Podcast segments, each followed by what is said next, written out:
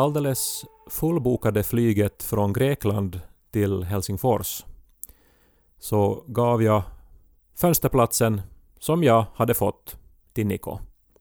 Det var väl snällt? Ja. Är det kärlek? Nå, alltså jag reagerar nog lite på det, liksom sådär att att du hade fått fönsterplatsen, att det är nog ändå väldigt separat redan i det skedet.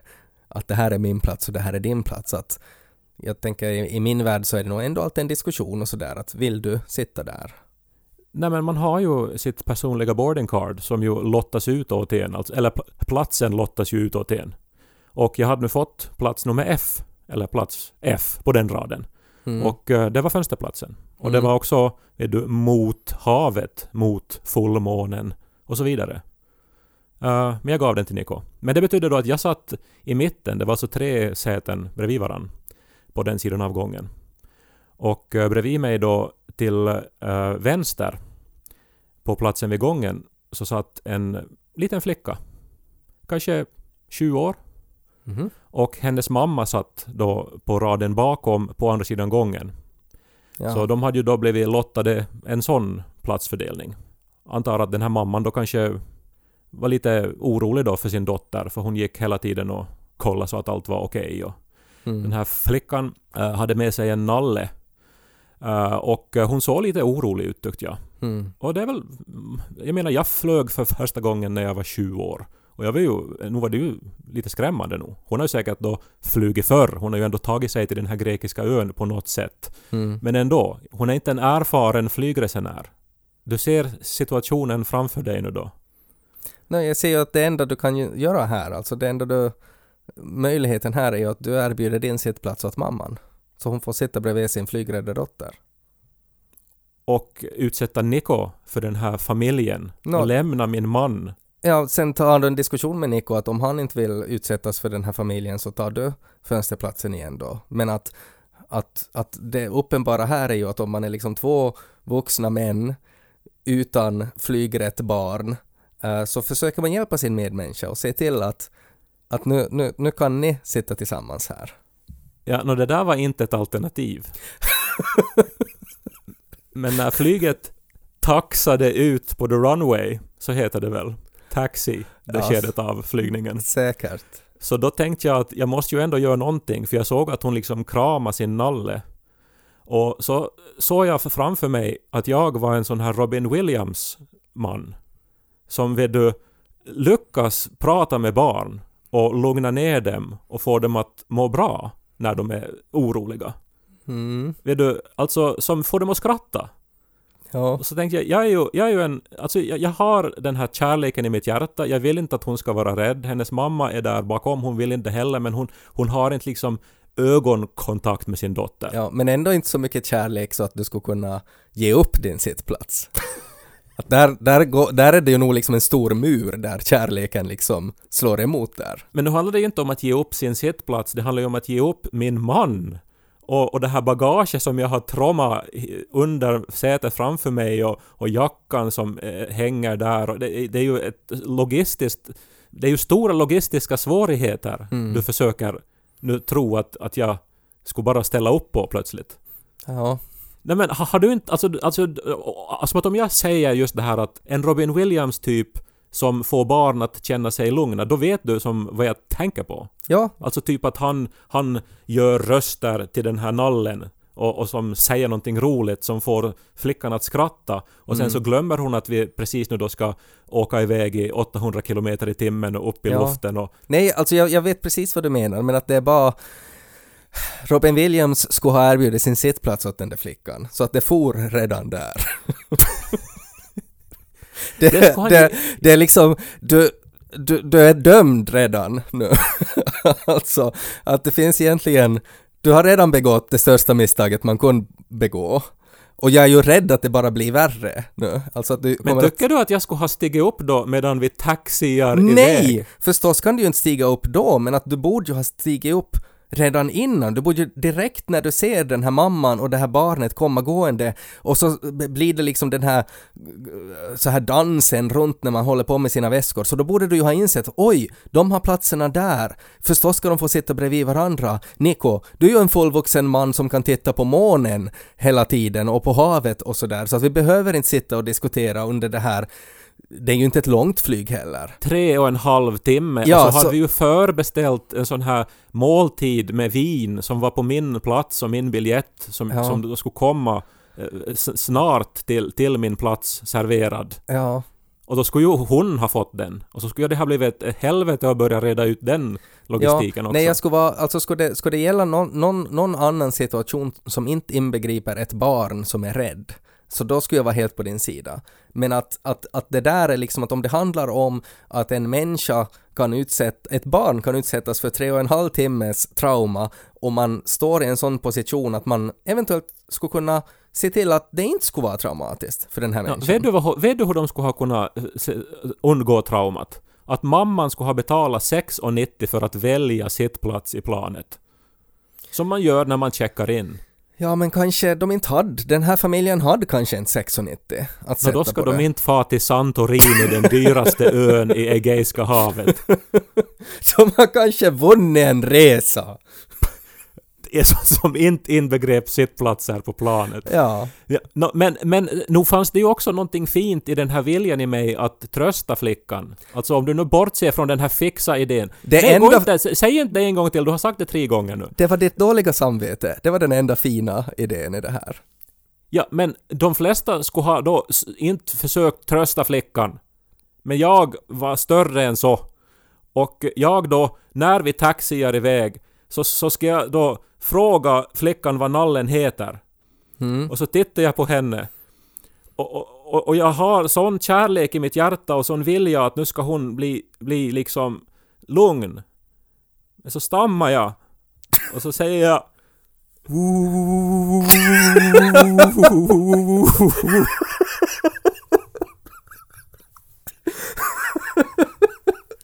Att du gör någon sorts så här spökljud åt flickan när hon är som mest rädd.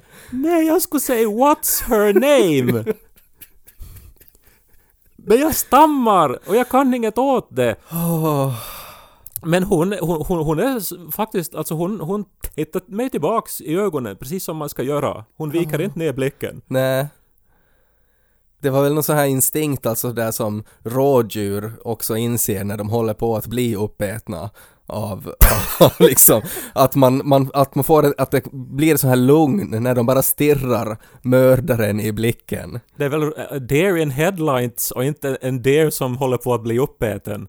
Det var en gång en Essebo och en Pormobo som till Åbo for till börja Radio Pleppo i lag som har valet i en podd idag. Hej! Snart kommer Ted och Kai, vi lyser med samma vi jagar haj. Hörlurar ni till i fort så pop nu denna popcorn. Den grekiska ön Santorini, eller det är egentligen en ögrupp numera, för att eh, den eh, har, står typ ovanpå en vulkan som har haft många utbrott över de senaste hundratusentals åren. Och eh, det senaste utbrottet, eh, som är ett av de största eh, utbrotten man känner till i mänsklighetens historia, hände ungefär 1500 f.Kr. Och det var, beräknar man då, upp till 100 kubikkilometer sten och alltså magma och flytande lava som vräktes ut ur vulkanen. Och eh, ön då som hette Thera så förstördes eh, och så blev det bara liksom kvar då en sån här eh, någonting som liknar liksom en krater. Och på den kraterns typ kanter så har man nu då byggt städer där turister njuter av solnedgången och dricker vin. Var det i den explosionen av lava som förstörde Atlantis? Nej men vad intressant det för att det, är ju, det finns en sån teori. Och det är så intressant att det inträffade just alltså då 1500 före Kristus när det liksom fanns äh, mänskliga högkulturer redan kring Medelhavet. Alltså människan hade ju redan börjat nedteckna historier och sånt. Och, och alltså nu är ju det här vilda spekulationer men när man börjar läsa så, så finns det som alltså många tecken som tyder på att den här otroligt stora naturkatastrofen kan liksom ha gett upphov till no, men, myterna om Zeus och såna här grekiska kudasagor. Såna här blixtar uppe i stratosfären som kan hända under ett våldsamt vul vulkaniskt utbrott.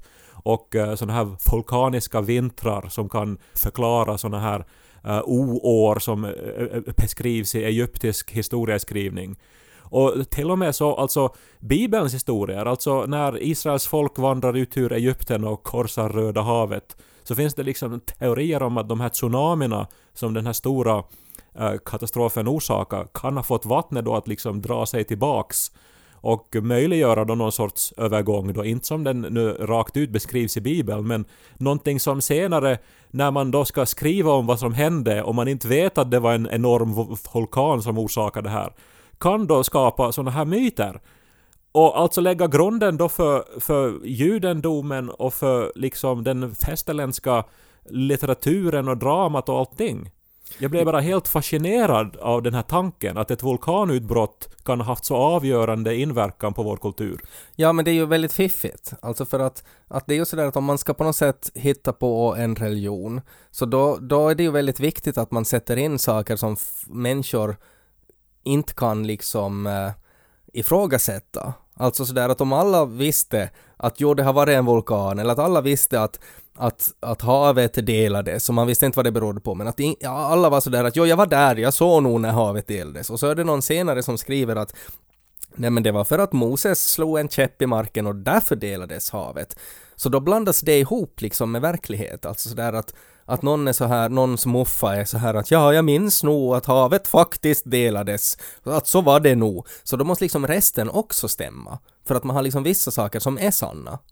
Ja, men det här är som så eh, som så intressant att vet du, som får, får det perspektivet, den tolkningsmöjligheten till alla de här historierna. Att ja, de har kanske då ett korn av sanning, men det är ju liksom bristen på journalistik på den tiden mm. som gjorde att man då vet du, tog de tolkningar som fanns i ens omgivning, skrev ner dem och så blev de sanning. Ja, så att om man idag till exempel skulle vilja starta en religion så borde man ju på något sätt få in eh, coronapandemin och liksom munskydd och sådana där saker som alla kan konstatera att jo, det var faktiskt sådär.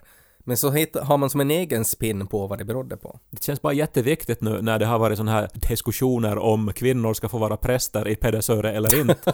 jag tänkte på precis samma jag också. Ja, nej men alltså när det finns än idag människor som, som hävdar att, att man måste lyda Bibeln till punkt och pricka och uh, tolkar alltså Bibeln som en historiebok och uh, som en lagbok som är lika uh, gällande idag som den var när den skrevs hur viktigt det är att ha den här historiskt kritiska, det här öppna sinnet för vad det egentligen kanske var som hände. Och att det är inte att de har ljugit i Bibeln, utan det är att de har tolkat saker på det sätt som de kunde tolka det just då och skrivit utgående från det. Det, det är såna här bara ögonöppnande ögonblick som jag hoppas att de här hiphop-prästerna i Pedersören skulle få. Det är så intressant också att diskussionen är liksom att på något sätt sådär att, att nu är det inte att jag skulle liksom hata kvinnor, att jag, jag kan till och med vara vän med dem. Men som kvinnoprästmotståndare, bla bla bla bla bla. Alltså på något sätt att man liksom ändrar det från att det, att det är sådär att ja men nej jag tycker ju om, jag har ju till och med, jag har ju till och med vänner som är kvinnor. Ja men nog är det hela det där att man kan vara en präst som också är hiphoppare, alltså så pass liberal. Men sen när det handlar om att arbeta med kvinnor så då plötsligt är man jättekonservativ. Det är nog någonting otroligt obegripligt över den eh, uppställningen. Och för alla som inte vet vad vi pratar om så finns det alltså ett avsnitt uh, av Himlaliv på arenan där man diskuterar med den här hiphoppande kvinnoprästmotståndaren. Ja, men så när man liksom då hårddrar det då så blir det ju då att om, om en vulkan i Grekland erupterar uh, så 3500 år senare så är det då en hiphoppande präst som säger upp sig för att chefen intar en pit. Det, i, I stora drag är det det det handlar om. Ja.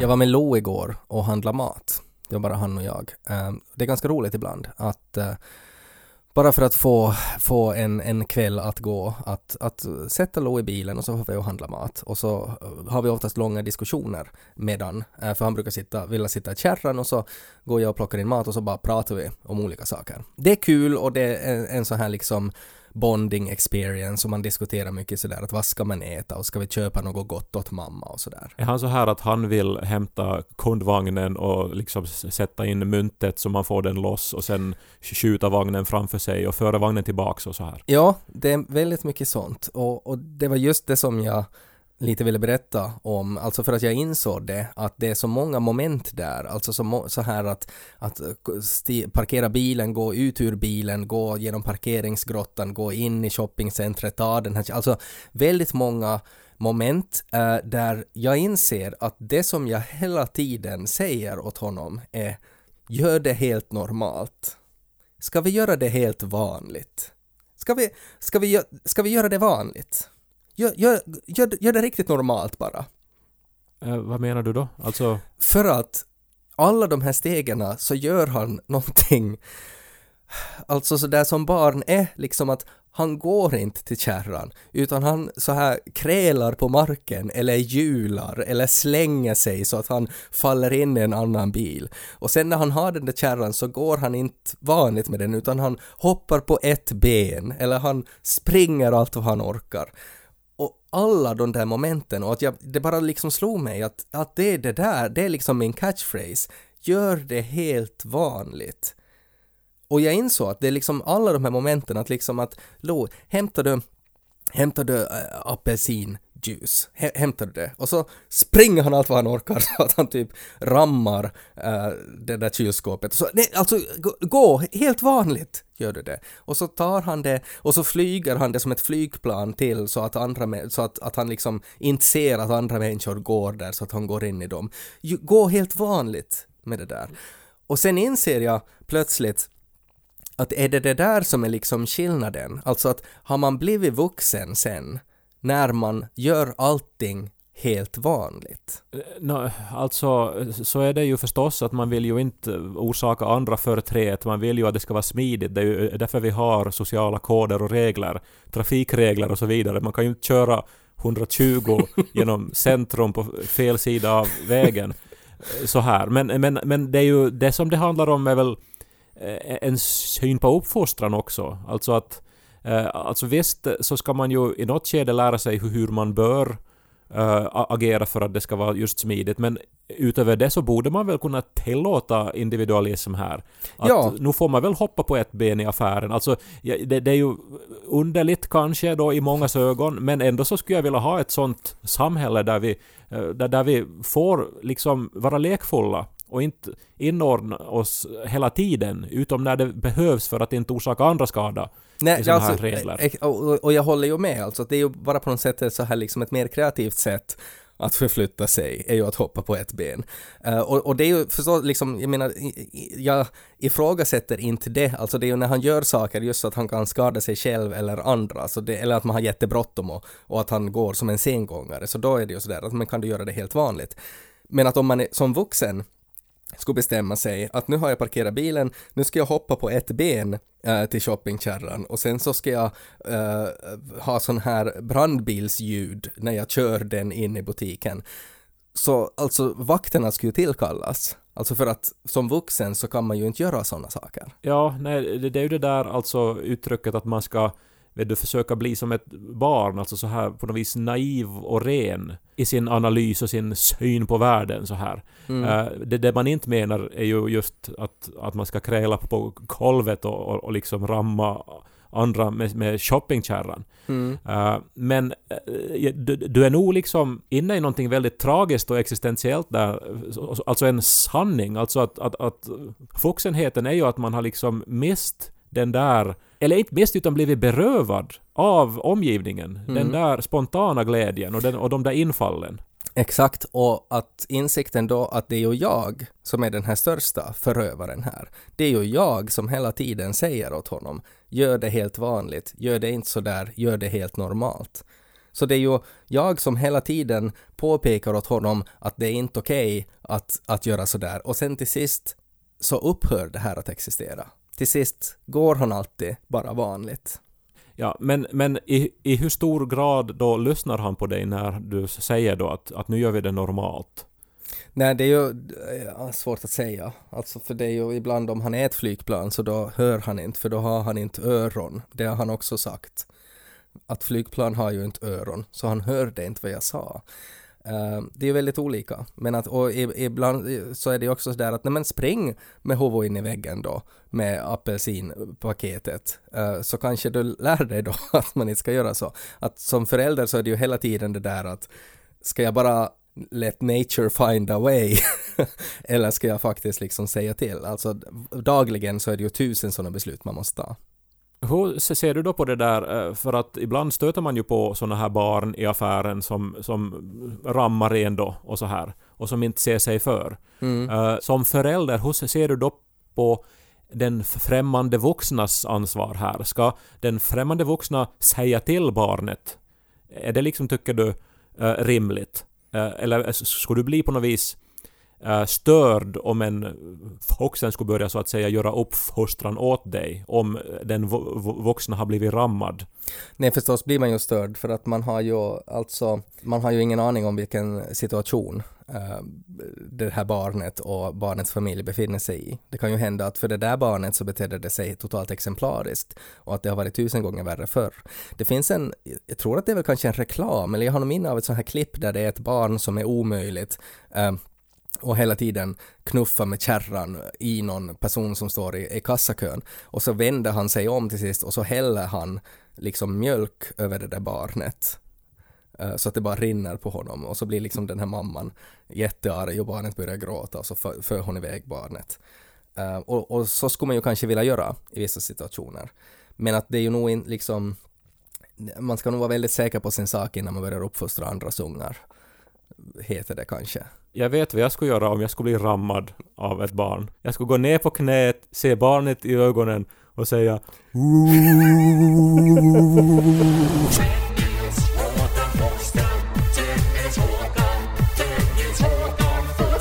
Jag har ju Grekland färskt i sinnet och eh, alla dessa fina monument och gamla tempel. Och jag skulle säga att om det finns ett Parthenon i Svenskfinland så är det väl eh, G18 Mm. Har du varit där? Uh, flera gånger. Men jag, jag, ser inte riktigt den här liksom tempel... Eller sådär, ja, jag, jag, jag köper inte helt liknelsen. Men det är ju magnifikt. Det finns pelare där inne och sådana här, såna här reliefer, vad det heter, rel, reliefer, vad heter det? Reliefer. Ja, men det är ju inte så här, man får väl inte dit för att tillbe gudar? Nej, men det har man ju inte alltid gjort till, till Parthenon heller. Det har ju varit massa olika saker, bland annat krutförråd ja, som jag berättade i podden. Ja. Uh, men, men uh, i alla fall, alltså det är ju ett, en magnifik byggnad mitt i Helsingfors som ju används uh, av olika finlandssvenska stiftelser, inte minst Svenska folkskolans vänner. Och, och där gör de ju efter nio också. Och jag, första gången jag var där så var jag 24 eh, år och hade fått första pris i Arvid Mörne-tävlingen, en sån här novelltävling. Och så fick man åka dit på en prisutdelning och det var en sån här pampig fest i den här pampiga salen och det, det var väldigt så här att oj, nu, nu är man nog på ett fint ställe. Mm. Inte visste jag då att 14 år senare så skulle jag spela in en, uh, alltså ganska uh, hardcore bondage-session i G18. Alltså vänta nu, du har haft Alltså BDSM-sex i G18? Eh, alltså bondage måste ju, alltså du kallar det till BDSM-sex, jag, jag, tänker BDSM alltså. Ja. Uh, och, och jag var nu med som regissör till den här filmen. Förlåt att jag skrattar, men det, det blir ju som en sån här bild av dig i en sån här regissörsstol och en basker och en sån här gammaldags megafon och så skriker du ”knulla hårdare”. nu, nu igen är det, det måste inte in, alltså BDSM är någonting annat. Det måste, det är, väldigt sällan handlar det om penetration eller någonting sånt. Det handlar ju om om, om, Nej, om väl... estetik och närhet och, och, och liksom uh, underkastelse och dominans och det måste inte in, inbegripa... Jag tror att jag symboliserar majoriteten av våra lyssnare när jag säger att BDSM är en tredjedel sex, två tredjedelar elektricitet i testiklar. då, det, jag tror att du är nog den enda lyssnaren till, till den här podden som tänkt så nu.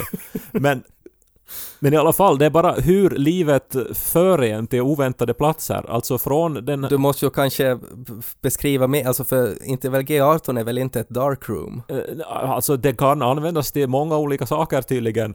Eh, Men eh, det som vi ju alltså gör är en Förlåt, musikföreställning. förlåt, jag bara måste säga, för jag kan inte släppa det här ännu, att om man då skulle ha BDSM-sex på Parthenon så skulle någon kunna vara Zeus då, som skjuter ström i testiklarna. Det finns helt säkert en apparat som heter Zeus också, som används till just det där syftet. Okej, nu, fick jag, nu fick jag det ur mig, nu kan du fortsätta. Ja, nej men, men det, vi gör en musikföreställning eh, baserad på min roman eh, och vi håller till i G18 nu när vi övar. Jag ska dit idag nu också, strax efter inspelning här. Och det är klassisk musik och, och det är technomusik och eh, det är romanen och sen videomaterial som hör till romanen och det var det vi spelade in igår. Och det, det var bara, det, det var en, en mäktig upplevelse och också väldigt emotionellt så här trabbande. Alltså det är ju väldigt mycket känslor uh, när man blir dominerad och ordentligt piskad.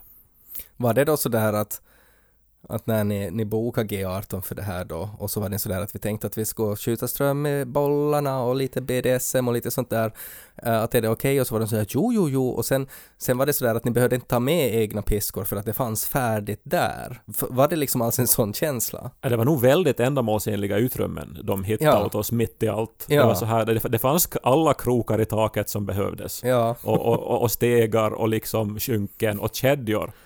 Eh, så att eh, vem vet, alltså nu har man ju hört mycket om borgerliga herrar som har ja. eh, så här ett, en fäbless för extravagant dekadens. Ja. jag, jag, nu vill jag inte insinuera här. Nej, nej, men att vi, vi fantiserar vad som händer efter, efter nio. Ja, eh, bra fråga. Eh, men det här, eh, i alla fall, det, det har varit omvälvande dagar och, och, som, och, och som jag bara ändå älskar att jag lever ett sånt liv. Att jag, att jag som Du- hamnar på sådana här oväntade ställen. Du skapar livslånga traumor i grekiska flickor på flygplan och så, så liksom landar du i Vanda, hoppar in i en taxi, kör direkt till G18, zzzt, rakt in i testiklarna, filmar lite eh, och, och så fortsätter du och, och, och poddar och sådär. Och nästa vecka så ska vi visa filmen i, i Vasa och, och Jakobstad.